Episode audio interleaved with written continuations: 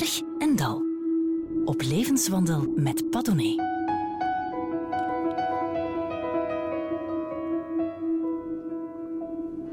Studio 100 viert haar 25-jarig bestaan. Een amusementsimperium van de eeuwige Samson en K3 over Kabouter Plop tot Maya erbij. Producent van gewaardeerde musicals als Daan zijn 4045. Als baas van het uh, jarige Studio 100 heeft Hans Boulon naar eigen zeggen een bloedbad achter de rug. Een pak mensen ontslaan die er van bij het begin bij waren. Dat kruipt niet in je koude kleren. Bourlon is ook een gepassioneerde kunstcollectioneur die hij in het kunstuur graag met het grote publiek deelt. Dag eh, Hans Bourlon, zit je op een berg of zit je in een dal? Goedemorgen. Ik, ik uh, moet eerlijk zeggen, ik deel mijn leven niet zo in in bergen en dalen. Herken die ook niet echt geweldig. Maar ik probeer wel s'avonds als ik uh, naar bed ga wel eens te reflecteren over zet ik een plusje achter mijn dag of een min. En, um, en dan moet je natuurlijk in je leven zoveel, mogelijk plusjes aanbrengen. Hè. Dat is een belangrijk gegeven. En ik zit toch vandaag uh, maar ferm voor Padonné, dus dat wordt een plusje vandaag. Oh. maar we zijn geen charmeus hoor.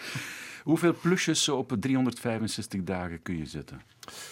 Ja, zoveel mogelijk, maar het, het, het hangt toch dikwijls van kleine dingen af. Hè, wat um, een dag bijzonder maakt of leuk maakt. Dat kan... Uh, een miljoentje meer of minder? Oh, ik moet dan wel eerlijk zeggen dat de spreadsheets uh, die in vergaderingen verschijnen, die zijn wel leuk, uh, als ze tenminste positief zijn.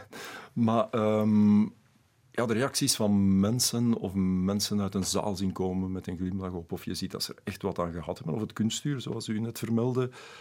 Um, als je dan echt voelt dat, uh, dat mensen ergens geraakt heeft, zo'n bezoek, dat doet toch deugd. En daarvoor uh, onderneem je en, en begin je er ook aan. En, want dat is altijd een struggle. Hè. Jij kent dat ook. Je hebt boeken geschreven. Een wit blad is een bijzondere uitdaging met honderdduizenden keuzes. En ik snap ook waarom uh, auteurs en schrijvers in zo'n eenzaam beroep al eens naar de fles grijpen. Hè. Mm. Het is niet evident. En dat is dan ook het minste, de fles. Om van dat paddenstoelen niet te spreken. Ja, ja, ja. ja. Ah, maar dan, dat is toch weer de, de reclameman in jou. Kan Bouter Plop... Uh, Zeg Hans, ja, we kennen elkaar al heel lang. Uh, dat mag het publiek weten. Misschien beïnvloedt ons dat uh, gesprek. Uh, het zal niet anders zijn. jij was producerjeugd, ik was het hier. dat was in het Pleistocene ongeveer. Um, ja, is een hele weg afgelegd.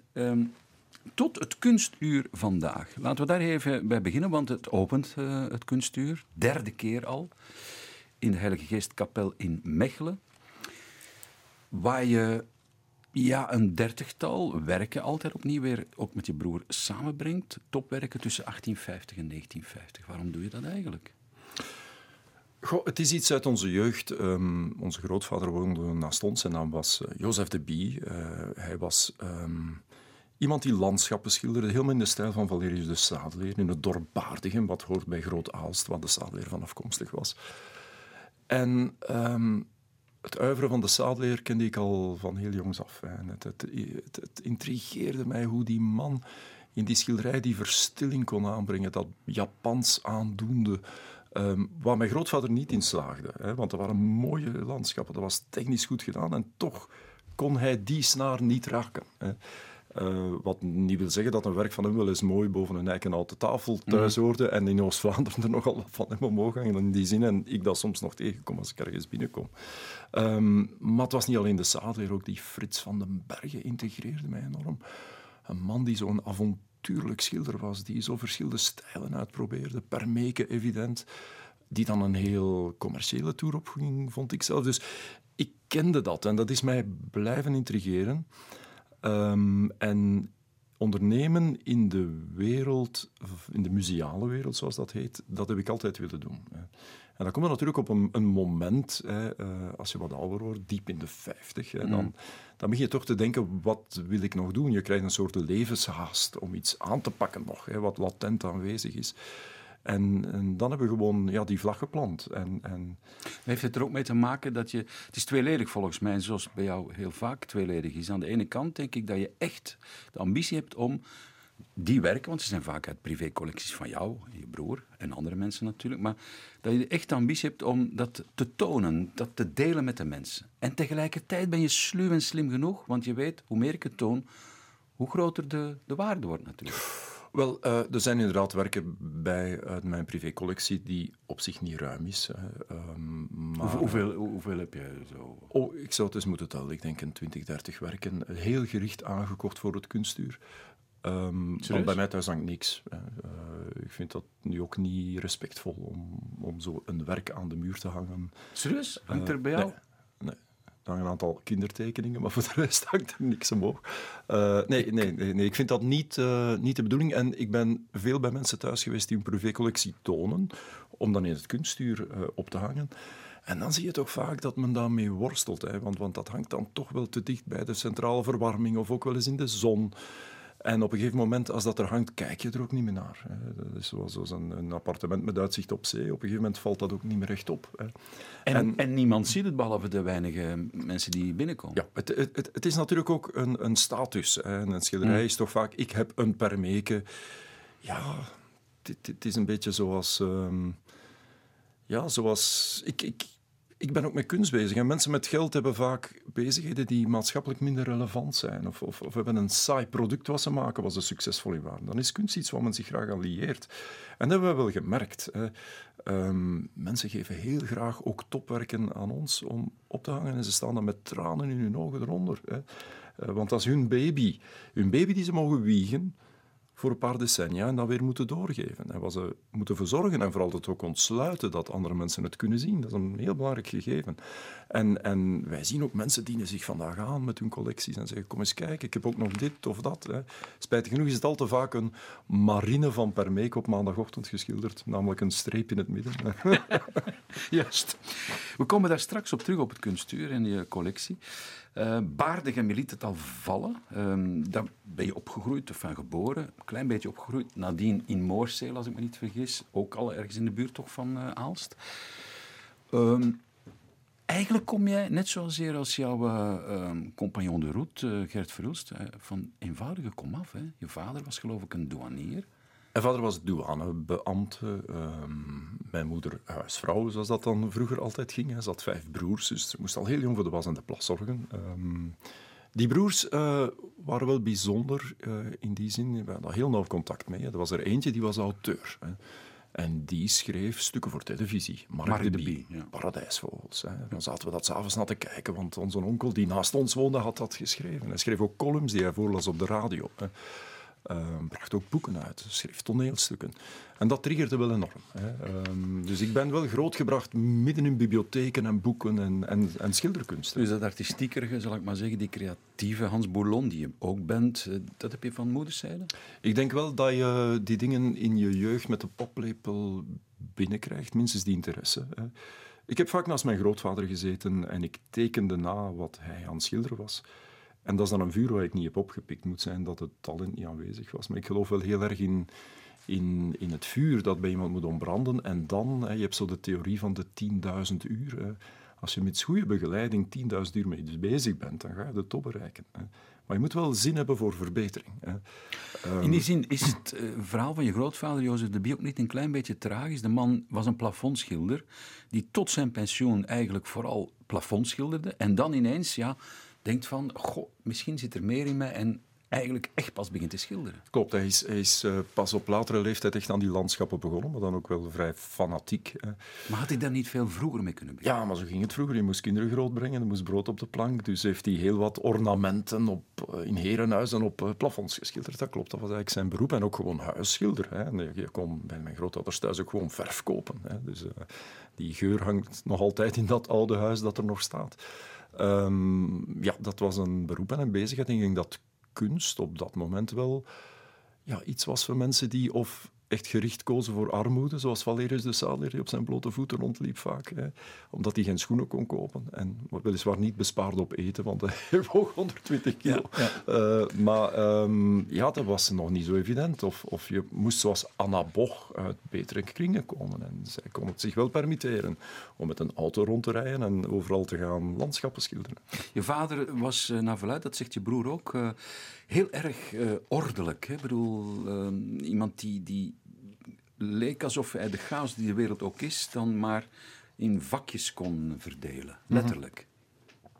Ja. Dat heb je ook een beetje van hem, denk ik. Ja, ik denk dat iedereen wel iets van zijn moeder- of vaderszijde in zichzelf herkent. En, en, en die hang naar orde en logica uh, is iets wat mij altijd wel heeft uh, beziggehouden. Ja, absoluut. Ja. De orde in de dingen, de, de, het, het, denken, het, uh, het uh, zoeken naar de zin van iets. Um, ja, ik ben een, op zich vrij ordentelijk. Ik weet, soms kan mijn bureau er als een chaos uitzien, maar ik, ik weet heel goed waar wat ligt. Hè, of maar waar ik wat kan vinden. Het lijkt me gods onmogelijk om als chaot CEO te zijn van Studio 100. Jullie doen zoveel verschillende dingen dat je zou er toch aan handen ondergaan als je niet was. Ja, maar ik heb wel geleerd. Um, ik heb ooit Latijn-Grieks gedaan, daarna filosofie. Ik heb dat nooit afgewerkt. Um, ondernemer geworden. Um, heel blij dat ik die stap heb gezet of dat vuur in mij heb gekregen om dat te gaan doen.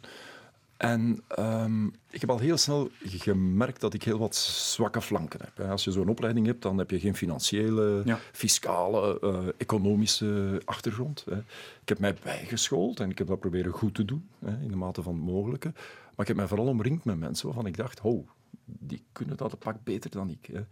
En, en dat is in wezen de dynamiek van de groei van ons bedrijf. En Gert heeft ook die reflex, mijn collega is toch opzij gaan staan en andere mensen kansen geven. En, en, en dat gebeurt dan met blutsen en met builen. Dus heb je bijvoorbeeld iemand die jullie dan in de zak zet voor uh, hoeveel? 4 miljoen. Uh, en heeft dat dan te maken met te veel aan vertrouwen? Dat heeft uh, vooral te maken dat ons bedrijf geen prikkeldraad of sigarenfabriek is, wat aan aanhang van de procedures. Um, wij doen zoveel producties, we hebben zoveel activiteiten, dat alleen nog maar dat overzicht krijgen al een opdracht is. En, en al die producties die, die hebben hun eigen dynamiek. Uh, dat zijn allemaal baby's die hun eigen vader of moeder hebben in zo'n project. En natuurlijk, die zitten op een eiland en doen hun ding. En er worden synergieën tussen activiteiten gezocht. Hè. Maar die hebben door die vrijheid wel een aantal mogelijkheden. Hè. En, en, wij gaan niet heel de tijd als een tiran rondlopen mm. en, en, controles uitvoeren en, uh, en, zeggen, jij moet nu rapporteren. Uh, nee, nee, wij proberen mensen naar voren te duwen. Of te zeggen van, kijk, hier is een voetbalveld, wij faciliteren dat, maak je ploeg.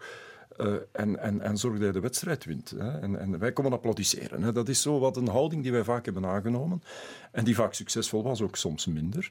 En dat is iets wat we aldoende hebben geleerd. En, en een van de keerzijdes was inderdaad een grote fraude die we ontdekt hebben. Veel mensen hebben we daarna aangesproken. Bij ons is dit ook gebeurd. Mm uh, alleen wordt dat vaak met de mantel der liefde bedekt. Hè. Wij hebben dit wel degelijk aangegeven bij het gerecht. En de man is opgepakt op een ochtend op de werkvloer, geboeid, afgevoerd. Hè. Dat was een, een, een onwaarschijnlijk beeld hè, om dat te moeten meemaken. Dat zijn toch zo van die zaken die je de rest van je leven meeneemt. Ja, dat zijn beelden die je niet vergeet. Nee. nee. Wat mij verbaast, um, dat is um, hoe jullie, eh, ik spreek jullie, dus Verhulst en jij, uh, erin slagen. En ik denk heel veel mensen met mij uh, kijken daar toch met lichte bewondering naartoe. Hoe je erin slaagt om um, dat wat wij altijd dan de Vlaamse ziel hebben genoemd, om die te ja, te exploiteren, te commercialiseren. Maar dat blijkt niet alleen de Vlaamse ziel te zijn. Ik bedoel, dat gaat nu ook wereldwijd. Uh, tot maar daarbij in, uh, wat is het, Japan of uh, Amerika. En jullie hebben iets wat heel veel mensen in onze kringen veel te weinig hebben. Dat is, ik zal het met een heel chic woord noemen, gesundenes volksempvinden. Mm. Als ik, als ik bijvoorbeeld uh, nu, nu in jouw leven ben gaan duiken als voorbereiding van dit gesprek en ik, en ik lees dan bijvoorbeeld dat je jarenlang in een café, in een volkscafé hebt gewerkt, Maxens, dan denk ik, maar dit is van cruciaal belang voor wat hij nu doet. Ik heb daar uh, op zondagavond uh, vrij vaak café gehouden, vooral als de café was in haar been gebroken had. Ja. Toen, toen, was ik zeer actief. Uh, de dame is ondertussen overleden.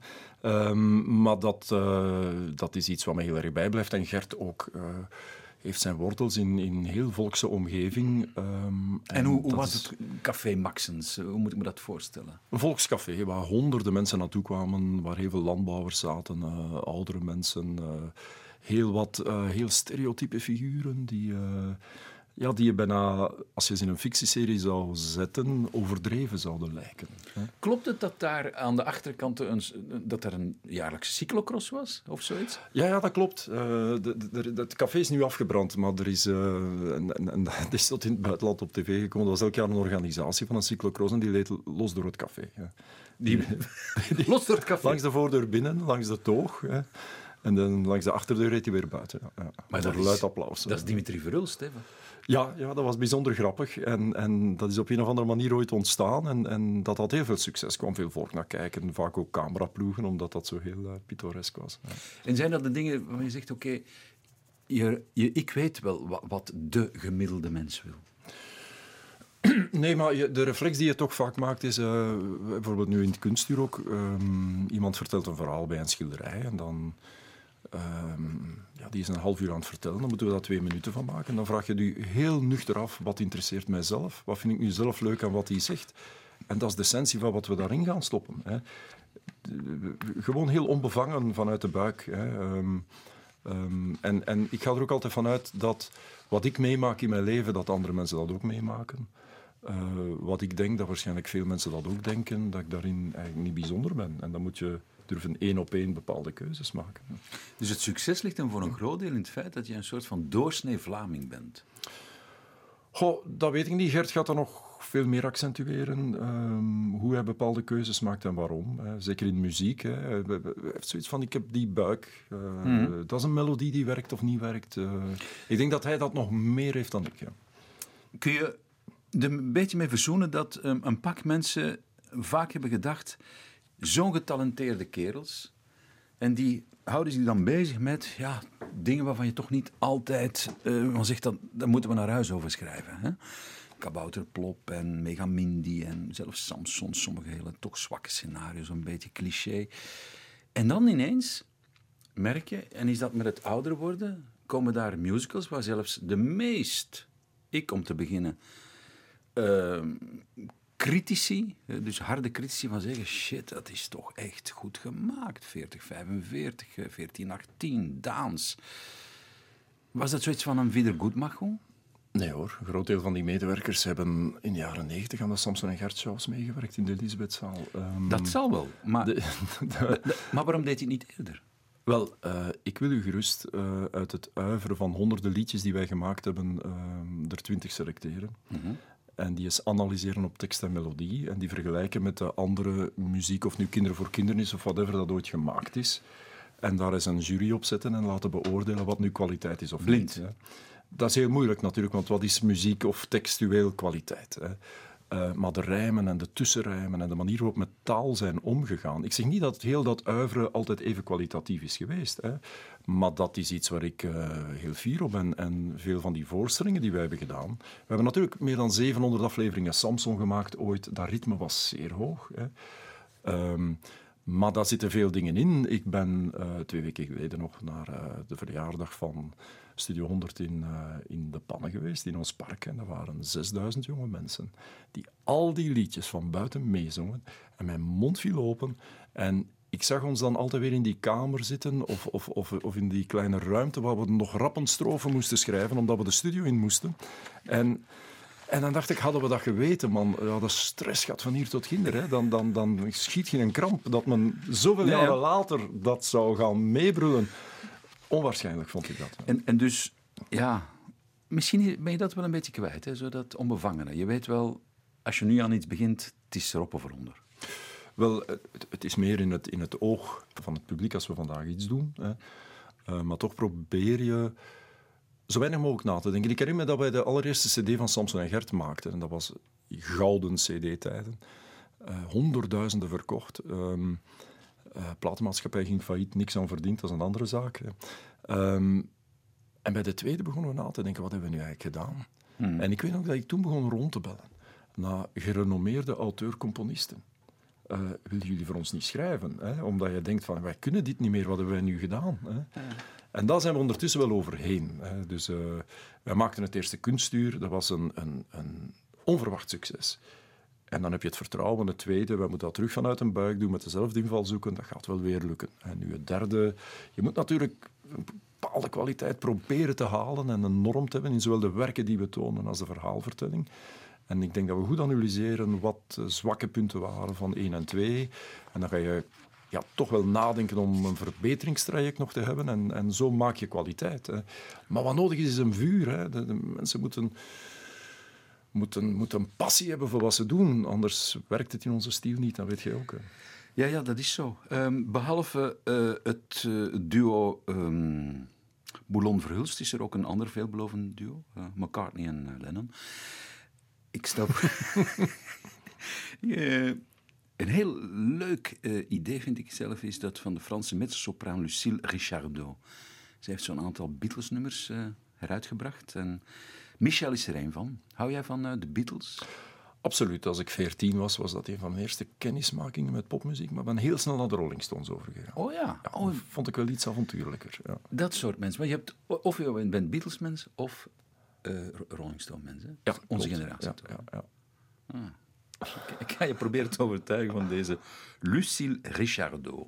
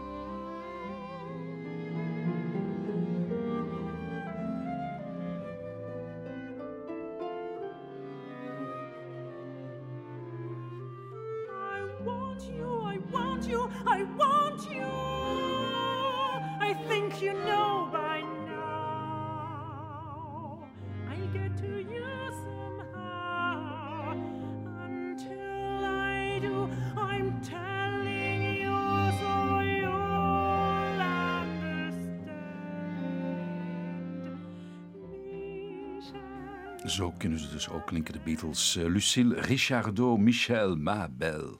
Bij mij zit uh, Hans Bolon, CEO van uh, Studio 100. Vind je dat volstaan als wie je bent in de productie? Ja, ik, ik, ik heb zo van die businesskaartjes, daar heeft eigenlijk nooit een titel op gestaan. Wat staat er op, Hans Bolon? Ja, en een telefoonnummer en een mailadres. Amai. Ja. Dus mensen kunnen jou gewoon bellen? Ja, ik probeer niet te leven door de strepen op de schouder. Dat is heel belangrijk. Uh, in uh, de blik van Boulogne, uh, daar moet ik nu ineens aan denken. zeg je van jezelf, je laat iemand over jou zeggen van ehm, dat, dat, dat, dat je blink, die, hoe zeg je het weer precies, die, die, die blinkend van bescheidenheid, of er is een glans van bescheidenheid. Hè? En dat is de manier waarop jij je podium kiest. Dus die bescheidenheid eigenlijk ook als een soort van. Um, handelsmerk. Ja, het is uh, ook een beetje in Vlaams, hè, maar het is was verlegenheid. Hè. Uh, ik was als, als ik jong was, misschien als je je nog herinnert, op de VRT vroeger, als jonge gast, ik was zeer verlegen. En uh, verlegenheid van jonge mensen is geen evidentie.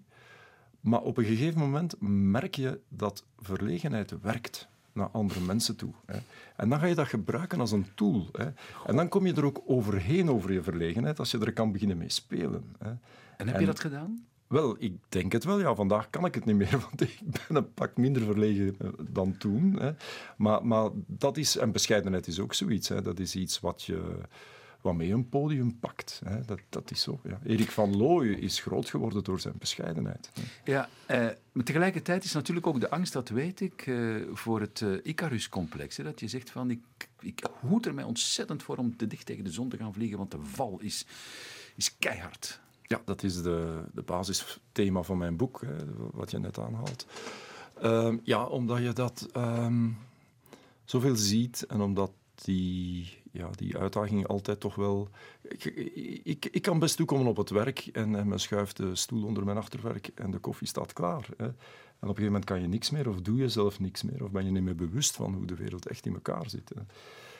En dan moet je altijd uh, oog voor hebben en dat is uh, niet evident. En aan het eind van de dag... Uh, op een dag vallen alle strepen van je schouder af en is het voorbij. Hè? Want ik heb daar ook een gedicht van Richard Minot over, over gekozen, die dat zo prachtig heeft geschreven. Omdat hij zelf, hij, hij schrijft, ik sloeg de trommel in veel stoeten. Hè. Hij was een grote meneer. Hij, had een, een, een, tijdschrift opgericht, hij was journalist, hij had op een ministerie gewerkt, hij, hij was iemand. En dan uiteindelijk is hij boerke geworden. Hij heeft die eitjes verkocht op de markt en, en koe gehouden. Hè. Zeg maar, nu je toch... Uh, en zoals iedereen mag je hier ook uh, boeken en gedichten en meebrengen. Oké, okay. ik stel voor dat je Richard Mine leest als je dat goed vindt. Ja, het, het is een heel kort stukje, hè, maar het, het vat de essentie samen in een prachtig taalgebruik. Hè. Ik was op verre zee een tuk. Nu zoek ik bij mijn peeën het geluk. Een omheind streepje aarde volstaat en draagt de waarde van een daad. En mm -hmm. vat het eigenlijk allemaal heel kort samen. Um, ik was op verre zee natuurlijk. Dat is iets wat ik heel erg ken. Hè. Ik heb in het vliegtuig gezeten van China, Amerika. We hebben een, een studio in Australië. Hè. Um, door de lockdown zijn we er twee jaar al niet mee geweest. Uh, we hebben daar honderden mensen werken. Het is alsof je de, de wereld bezeild hebt. Hè. En ik weet, op een dag zal ook voor mij, maar ook voor u, een omheind stukje aarde hetgeen zijn. Of een, zoals bij een oude man vaak gebeurt, of een oude persoon, hè, een stoel. En nog twee vierkante meter mobiliteit. Hè. Daar zult je moeten mee doen. Hè. En dat is iets waar jij mee bezig bent, hè? Ja, absoluut. Je moet, je moet uh, weten, nog eens, uh, zonder strepen op de schouder moet je bestaan. Uh, ik heb veel mensen rond mij gezien die, die eens als ze op pensioen gaan bijvoorbeeld, ja, toch in een gat vallen, omdat mm -hmm. ze ja, niet meer de titel dragen die ze ooit hadden. Je moet, je moet als mens kunnen die titel overstijgen. Dat is een grote uitdaging. Mag ik een, een versje lezen van Minne? Absoluut. Dat misschien ook een beetje op jou toe, van toepassing is. Werk zonder mate of uh, plan, maar spied door alle luiken. Veracht den burgerman, doch ledig zijn kruiken. Mm -hmm. Mooi. Is dat ook een hoveniersgedicht? Dat uh, is een vademecum voor de dichter. Dat is eigenlijk zo iets van zegt, kijk, dichters, uh, jullie mogen, of wij mogen armlastig zijn, maar generen niet uh, om het geld te halen waar het zit. Begrijp je dat? Ik bedoel daarmee, ik neem aan dat er heel veel mensen bij jou komen aankloppen. Ja, dat is een van de moeilijke dingen voor mij in mijn persoonlijk leven. Dat is dat ik moeilijk kan inschatten waarom mensen mij benaderen. Uh, ik voel mij vaak een rondlopende portefeuille. Um, Serieus? Ja, mensen willen nu spreken over iets en dikwijls heel verscholen daaronder zit van geef mij geld. Men gaat het niet altijd even direct zeggen. Um, en, en dat is moeilijk. Hè. Men probeert dat vaak op vriendschappelijke manier of andere manieren. Um, en ja, dat was in vroegere tijden makkelijker evident. Hè. En, en maar daar wil ik toch even bij stilstaan, dat fascineert mij. Hoe kun jij in godsnaam weten waarom mensen jou benaderen? Goed, ja, je hebt natuurlijk altijd een aantrekkingskracht die bij sommige mensen groter is dan bij anderen. Dat is heel normaal. En ik probeer in werkomstandigheden dat niet te laten blijken. Ik vind dat ik zo neutraal mogelijk moet zijn daarin. Maar ik heb wel geleerd door de jaren heen om afstand te houden. Ik, ik ben nog vroeger, in het begin dat we mijn studie onder begonnen, nog met 50 mensen. Ja, dan ging ik met collega's op verlof. Of ik ah, ja. ging ze bezoeken op verlof. Um, en ja, daar ben ik wel van teruggekomen. En dat maakt het bestaan van het leiden van een bedrijf toch wel iets eenzamer. En, en, ik ben heel blij dat ik een collega heb als Gert Verhulst, waar wij zijn samen getrouwd, bij wijze van spreken. Hè. Wij zijn samen in zee, onlosmakelijk. En wij kunnen met uh, heel veel bij elkaar terecht op die manier. Hè. En ik kan me inbeelden, eenzaam als je nu, nu het bedrijf van je vader erft, zeg maar wat, en, en je moet dat eenzaam en alleen leiden. Ja, dat is moeilijk, hè, want dan schiet er aan het eind van de dag die spreadsheet over. Hè. Maar mensen weten natuurlijk ook dat Boulogne en Verhulst, eh, om het op zijn zachtst te zeggen, niet onbemiddeld zijn. Ik bedoel, er is ook bekend, uh, wordt gesproken over een persoonlijk vermogen. Voor jou bijvoorbeeld alleen al van een 120 miljoen euro. Ik weet niet of het klopt. Ga eens naar mijn bank bellen, want het verwondert me. Zou het jou verwonderd? Het is meer. Er is altijd een groot verschil tussen wat je op je rekening hebt en wat eventueel de waarde is van je bedrijf. Ja, ja, dat is een heel groot verschil. Natuurlijk. Maar goed, laten we zeggen, je bent niet onbemiddeld. Uh, dan kan ik me inbeelden dat eh, de vriendschappen die je hebt bijvoorbeeld, dat die van lang geleden zijn. Toen je nog niet die status had. Ik heb dat inderdaad wel heel erg gekoesterd altijd. Uh, mensen uit mijn geboortedorp en die omgeving. Ik ben daar heel lang um, in een fietsclub geweest. Nog altijd eigenlijk. Alleen door rugproblemen ben ik niet zo gigantisch actief Op de, de laatste cahier. jaren. Op de cahier. Maar je bent geïnformeerd. wij schrijven, wij schrijven de, de bergen op onze cahier die we allemaal beklommen hebben. En dat is al een serieuze cahier geworden ondertussen. Um, en ik ben daar absoluut niet een uitblinker. Integendeel, ik ben de man van, van de grappen achteraan in het peloton. Uh, maar het is, het is heel fijn om mijn dialect te kunnen spreken. Dat is thuiskomen. Hè. Uh, uh, dat is echt thuiskomen met die mannen waarmee je bij van spreken in de kleuterklas hebt gezeten, ja. bij de scouts ja. geweest zoveel ja. jaren, om, om daarmee dan samen een berg te beklimmen. Dat is zo een van de... Want inderdaad, ik heb jou binnenste buiten gekeerd. Uh, ik vind dat wel eens prettig. Uh, dat is ook mijn baan, hè. Valt op hoe weinig of eigenlijk, om niet te zeggen hoe niets, jij zegt over jouw privéleven. Hè? Ik bedoel, we weten niet officieel of jij getrouwd bent of niet, of jij zelfs kinderen hebt of niet. En daar zwijg je in alle talen over. Nu is er een compagnon de route, om hem niet bij name te noemen, Gert Verhulst, die het omgekeerde doet. Je kunt je tv of je laptopje niet aanzetten, of je iPhone, of daar daagt hij op op zijn boot en op zijn buitenverblijf in uh, Saint-Tropez. En je kunt dat ook huren. En je ziet die kinderen en je denkt, hey, nee, dat kan niet. Hè? Dan ben je ook af en toe blij dat je niet zo'n kinderen hebt. Maar dat is zo, zo helemaal anders dan Hans Bourlon. Ja, dat klopt. Dat zijn keuzes. Hè. Um, ik ben ook een minder interessante figuur. Hè. Laat ons daarmee beginnen voor de buitenwereld. Maar mm. ik heb altijd die keuze gemaakt om mijn privéleven af te schermen. Waarom? Omdat mensen uit mijn dichte nabijheid daar niet voor kiezen. Hè.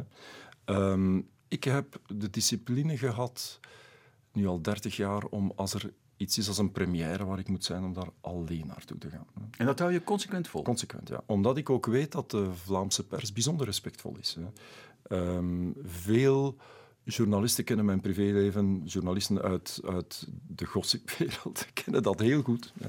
En ik ken dat van hen ook. Hè. Maar zij respecteren dat. Hè. Maar de dag dat ik natuurlijk verschijn met een aantal mensen rond mij, ja, dan ga ik wel die beker moeten uitdrinken.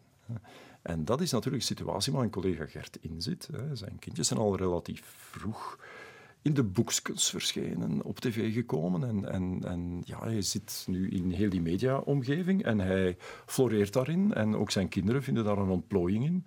En vinden dat fantastisch. En ik respecteer, ik respecteer dat, maar ik heb totaal andere keuzes gemaakt. Maar jullie zijn ook compleet anders. Wel, uh, ja, en toch ook weer niet. Hè. Je hebt een heel belangrijke link tussen ons net aangehaald. Hè. Ik ben daar blij om. Hè. Dat, is, dat is onze nestgeur. Mm -hmm. uh, hoewel ik uit een Vlaams-katholiek nest kom en hij uit een vrijzinnig socialistisch nest. Hè. Zijn vader was een vakbondsman van de socialisten bij de spoorwegen. Hè. Een, een, een, strijder op de barricade. Hè. Maar de volks- en nestgeur, die hebben we alle twee. Hè. We weten heel goed waar we vandaan komen en wat er leeft onder de mensen. En dat is wat ons bindt nog altijd heel erg. Maar mensen evolueren in hun leven. Hè. De Gert Verhulst die ik leerde kennen was 18, had een gescheurde broek en, en reed met zo'n een gammel autootje. Hè. Ik ook trouwens. Nog altijd? Wel, uh, nee. nee. Iets minder gammel. Ik, ik, ik rijd nu elektrisch, dus ik zoek de, de grenzen op van de, van de techniek en wat vandaag kan. Die wonderlijke wereld van de mobiliteit. Mensen die jou kennen, en ik zal niet uit de bicht praten hoor, maar die jou tamelijk goed kennen, die zeggen mij dat je in de loop van de tijd ook um, gevoeliger bent geworden voor maatschappelijk uh, relevante thema's. Uh, klimaatopwarming, ecologie. Dat je daar heel erg mee bezig uh, houdt en bent. Ja, het heeft me altijd wel geïnteresseerd. Maar natuurlijk, ja, als je een stem hebt in de media en, en, en je krijgt een forum, ja, dan denk je, hoe kan ik dat op een goede manier aanwenden? Hè? Ehm, ecologie is iets complex, uh, maar wat mij wel interesseert en waarvan ik vind dat wij in ons rijke Westen moeten een voortrekkersrol spelen. Dus als wij onze maatschappij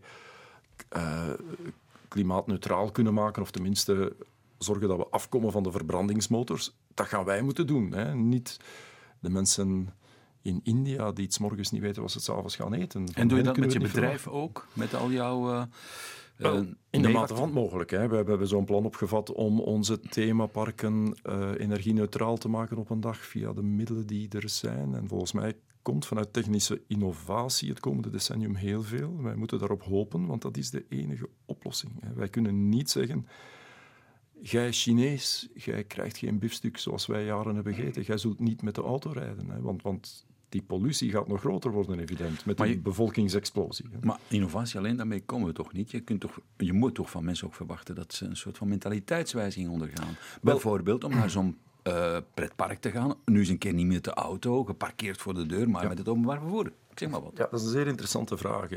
Er werd een paar jaar geleden een, een, iemand die me zeer genegen was begraven, mijn onkel Camille. Hè. En uh, er werd gesproken bij zijn begrafenis wat een eenvoudig mens hij was. Um, hij had heel zijn leven op een ministerie in Brussel gewerkt met de trein. Hij ging met zijn gezin naar Kokzijde met de trein. één maand op vakantie.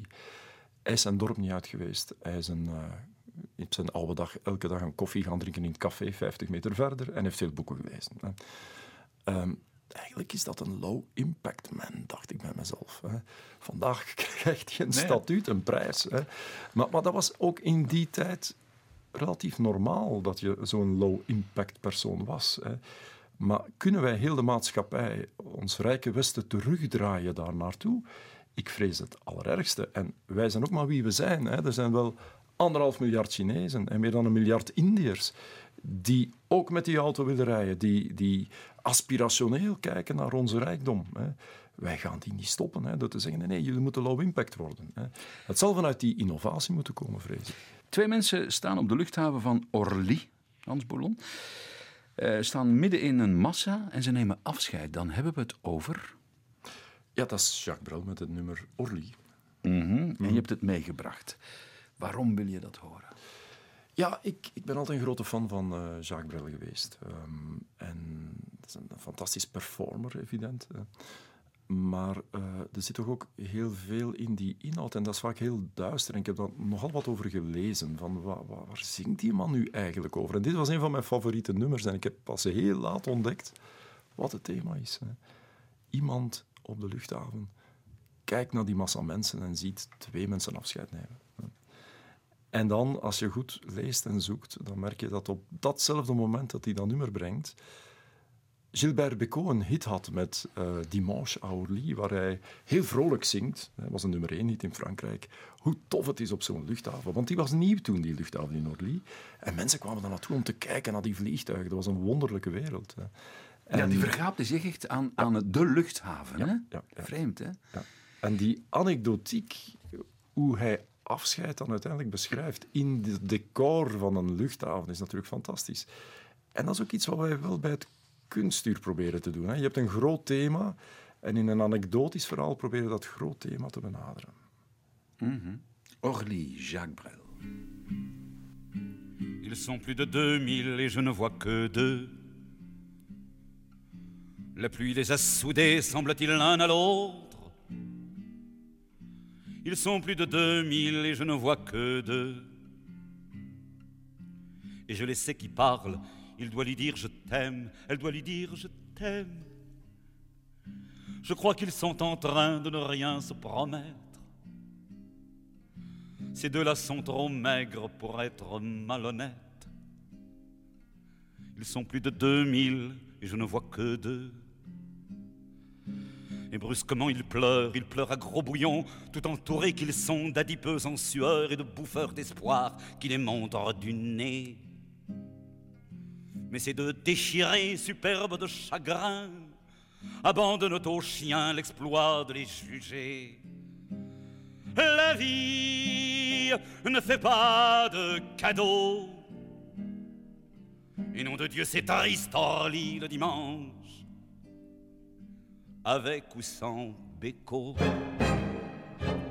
Et maintenant il pleure, je veux dire tous les deux. Tout à l'heure c'était lui lorsque je disais il. Tout encastrés qu'ils sont, ils n'entendent plus rien que les sanglots de l'autre. Et puis, et puis infiniment, comme deux corps qui prient, infiniment lentement, ces deux corps se séparent, et en se séparant, ces deux corps se déchirent, et je vous jure qu'ils crient. Et puis ils se reprennent, redeviennent un seul, redeviennent le feu, et puis se redéchirent, se tiennent par les yeux. Et puis en reculant, comme la mer se retire, ils consomment l'adieu, ils bavent quelques mots, agitent une vague main et brusquement il fuit, fuit sans se retourner, et puis il disparaît, bouffé par l'escalier. La vie ne fait pas de cadeaux. Et nom de Dieu, c'est triste, Orly, le dimanche, avec ou sans béco.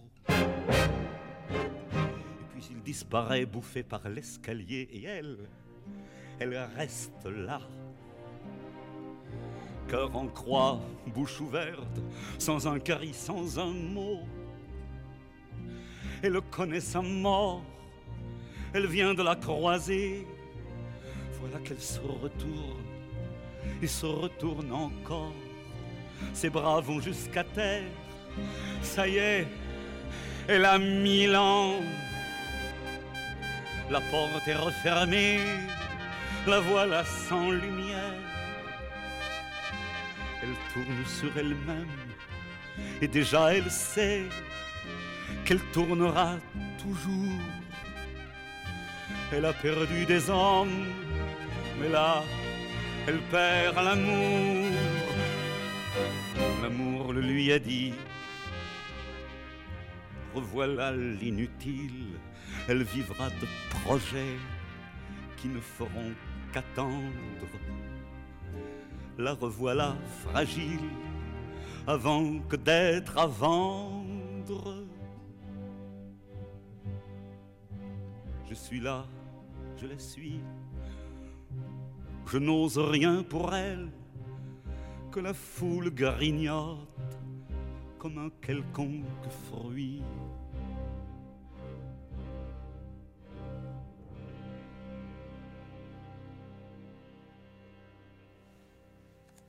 Jacques Brel, Orly.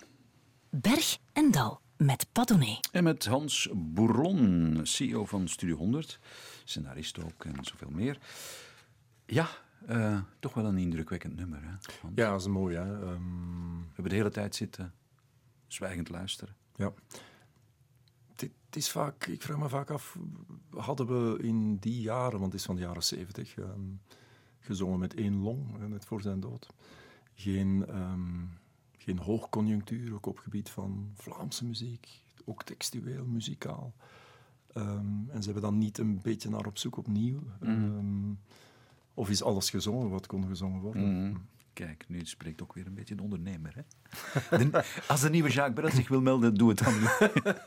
Laat het ons weten. Je hebt Wallace Stevens meegebracht, On the Surface of Things.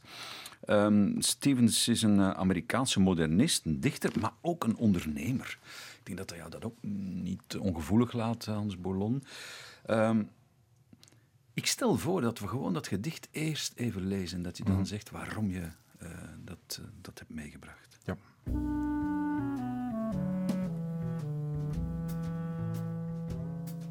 In mijn kamer gaat de wereld mijn verstand te boven. Maar als ik buiten wandel, zie ik dat hij bestaat uit drie of vier heuvels en een wolk. Vanaf mijn balkon overzie ik de gele lucht, lezend waar ik geschreven heb: De lente is als een schone die zich uitkleedt. De gouden boom is blauw. De zanger heeft zijn mantel over zijn hoofd getrokken. De maan is in de plooien van de mantel. Hans Boulon las uh, Wallace Stevens On the Surface of Things. Hij schrijft daarin, uh, Wallace Stevens, uh, Hans, In my room the world is beyond my understanding. Dus als hij in de kamer zit, de dichter, ik neem nu even ook aan Hans Boulon, dan gaat het allemaal onze pet te boven. Dit is verschrikkelijk ingewikkeld. Ja, de man geeft hier eigenlijk, wat mij betreft, de definitie van, van wat ondernemen is. Hè. Oh ja? Um, ja, ik heb ooit filosofie gestudeerd en dan zit je veel in een kamer tussen de boeken en dan lijkt die wereld bijzonder ingewikkeld. Ik herinner me nog bij de Leuvense stoof van mijn grootmoeder. Uh, ik heb ze allemaal gelezen van Tsjechov, Lermont of Turgenev, waren mijn favorieten. En het is eigenlijk pas toen ik buiten kwam en dat ik zag dat zoals hij schrijft, de wereld eigenlijk maar bestaat uit drie of vier heuvels en een wolk en vooral een horizon. En een paar andere mensen waarmee je samen iets gaat beginnen. Ik heb dat bij de scouts geleerd. Samen een kamp opbouwen. Dat is ondernemen. Hè. En daarin als mens begon ik mij te ontplooien en te gloriëren. Hè. En zeg je nu dat je dan Chekhov en Lermontov hebt afgezworen? Nee, maar dan beleef je de wereld in je hoofd. Hè. En, en ik, ik heb mij de volledige Russische bibliotheek van Van Oorschot gekocht, mm -hmm. uh, een paar jaar geleden. Die zit nog in de plastiek. Want ik denk, ik ga die opnieuw lezen de dag dat ik daar tijd voor heb. Hè. En ik hoop dat die dag gaat aanbreken. En ik hoop snel, want je weet niet wat je mist nu in dat plastiek. Nee, serieus. Dat is... Ja, het zal herontdekken zijn voor een deel. Ik denk alleen als, want ik was een vroegrijplezer als 16, 17-jarige. In Dostoevsky zitten heel veel personages. En, en ik weet nog, op mijn kamertje, nu ik mijn legerdienst deed, zat ik met een lampje Dostoevsky te lezen op dat stapelbedje, waar geen enkele andere recruit ooit aan dacht om dat te gaan doen. En ik kon dat toen nog bevatten. Hè. Maar of ik dat vandaag nog kan, weet ik niet. Mijn harde schijf staat vol met van alles en nog wat. Maar ik ga het zeker op een dag nog proberen. Ja. Als je op een pensioen bent, zeker. je zegt het is ondernemen. Het gaat over ondernemen. Ondernemen, dat is ook... Uh, dat zei ik helemaal bij het begin. Herinner je nog in mijn inleiding? Ja, dit afgelopen jaar noemde je zelf een bloedbad. Een annus horribilis. Uh, dat zegt ook je financieel directeur. Je hebt eigenlijk heel veel mensen moeten ontslagen die er van bij het begin bij waren. Je eindigt dit jaar, of het vorige jaar, 2020, met een uh, verlies van 30 miljoen euro. Ja, hoe ga je daarmee om? Het grote, succesvolle uh, ja, Studio 100 dat zijn hand maar in, ergens in moest stoppen en het veranderde in goud? Ja, het is, het is een van de belangrijkste opdrachten als je uh, aan het hoofd staat van zo'n groep is strategisch vooruitdenken. Hè. Waar gaan we naartoe? Wat zal de technische innovatie zijn op het domein van onze activiteiten? Gaan we dat overleven? Weinig bedrijven leven decennia lang in succes. Hè. En zo wisten wij heel goed dat de media-industrie economisch aan het verschrompelen was. Hè. De audio-industrie is daarmee was de eerste en de beeldindustrie komt nu ook aan bod. Hè. En wij dachten, we moeten heel erg inzetten op wat wij noemen de leisure. Mensen die een ticket kopen, ergens samen naartoe gaan in gezinsverband. Hè. Kijk, denk aan het Sportpaleis. Hè. Dat zijn fenomenale successen. Hè. Wij deden dat met onze parken, met onze musicals enzovoort. Hè. Bijna van de 200 miljoen omzet die wij bijna haalden, was 110 miljoen mensen die een ticket kochten. Fantastisch. Hè. Ja, en, dan, en dan valt ook... corona als een slang in je nek. Hè. Ja. Maar je weet als ondernemer, je loopt in de jungle en die slang is daar en die kan altijd vallen. Ja, ja. Maar het is wel schrikken, want niemand had dit voorzien, wij ook niet. En we zaten echt in de hoeken waar de klappen vielen, overal op alle onderdelen. En wat doet dat met jou persoonlijk? Lig je daarvan wakker? Uh, ik uh, ben een hele periode toch, hoor ik uit mijn omgeving, bijzonder humeurig geweest. Ja, ja, ja. Uh, ik heb er een stukje over in de tijd geschreven, trouwens, over mijn humeurigheid. Um, en um, ja, dat doet wat met u, omdat zeker in het begin een soort uitzichtloosheid was. Ik herinner mij toen het begon op 13 maart, ik door een minister gebeld werd die mij zei: um, Hans, jullie moeten stoppen in jullie theater, um, maar dit gaat maar 14 dagen duren. Maak u geen zorgen. Wij kunnen dit overwinnen. En, na een jaar en vier maanden waren wij nog dicht. Je maakt een scenario B, C, D van wat indien, maar we zaten buiten ons laatste scenario. En dan doemt het zwarte beest op. Dan denk je, een bedrijf kan op één manier failliet gaan. Ik ben geen groot economist, maar dat weet ik. Dat is als het geld op is. Als je er rekening niet meer kan betalen. Hè. En je ziet je schuldgraad stijgen, je voelt dat de banken nog mee willen. Maar dit eindigen? Hè? En dan natuurlijk, ja, nu weer, vooral deze zomer in de parken, hebben we een fantastisch seizoen gehaald. Dankzij een aantal fantastische mensen die, die dat terug vast hebben gepakt in ons bedrijf. Het theater is daarop gestart en, en ja, je voelt dat de motor gaat draaien, maar dat blijft puur economisch een enorm litteken. En dat is een cashlitteken, dat is een schuldlitteken, wat wij de komende periode gaan moeten uitzweten. Ennio Morricone, die gaan we nu horen. Je hebt hem gezien een paar jaar terug in Gent, geloof ik? Ja, ik denk de laatste keer dat hij in België gepasseerd is, toen hij een fantastisch orkest dirigeerde en een koor. Uh, ik ben heel blij dat ik dat nog heb meegemaakt. Ik ben altijd een heel grote fan geweest van de melodiositeit, de Zuiderse melodiositeit die, die hij zo fantastisch creëert. Ja,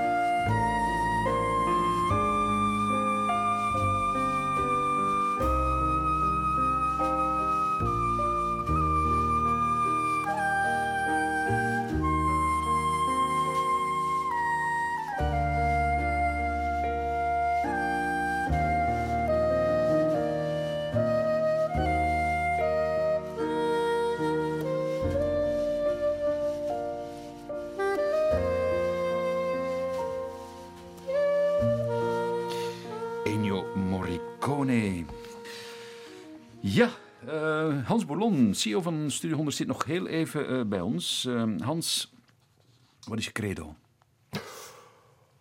Goh, het eerste wat mij binnenschiet is iets wat mijn grootmoeder vaak zei. Dat is heel simpelweg. Het geluk ligt in het opnemen van een taak. In het? In het opnemen van een taak. Wauw, dat doen. is heel plichtsbewust. Iets vastpakken. Iets, iets ondernemen. Iets doen. En, en je zal zien, daar komt iets nieuws uit voort. En, en, en en ja, dat is uh, wat in mijn leven het geluk heeft meegebracht. Ik, ik, ik, zeg, als ik voor studenten ga spreken, vaak... Wat gaat je doen met je leven? Hè? Gaat je kabbelen op de golven en, en de golven je richting laten bepalen? Of gaat je het vastnemen? Hè? Gaat je zelf je richting uitstippelen? Wat gaat je doen? Hè? Denk daar eens over na. Want van alles kan u overkomen en dat kan meevallen. Maar je zult de meeste voldoening eruit halen als je zelf je richting bepaalt.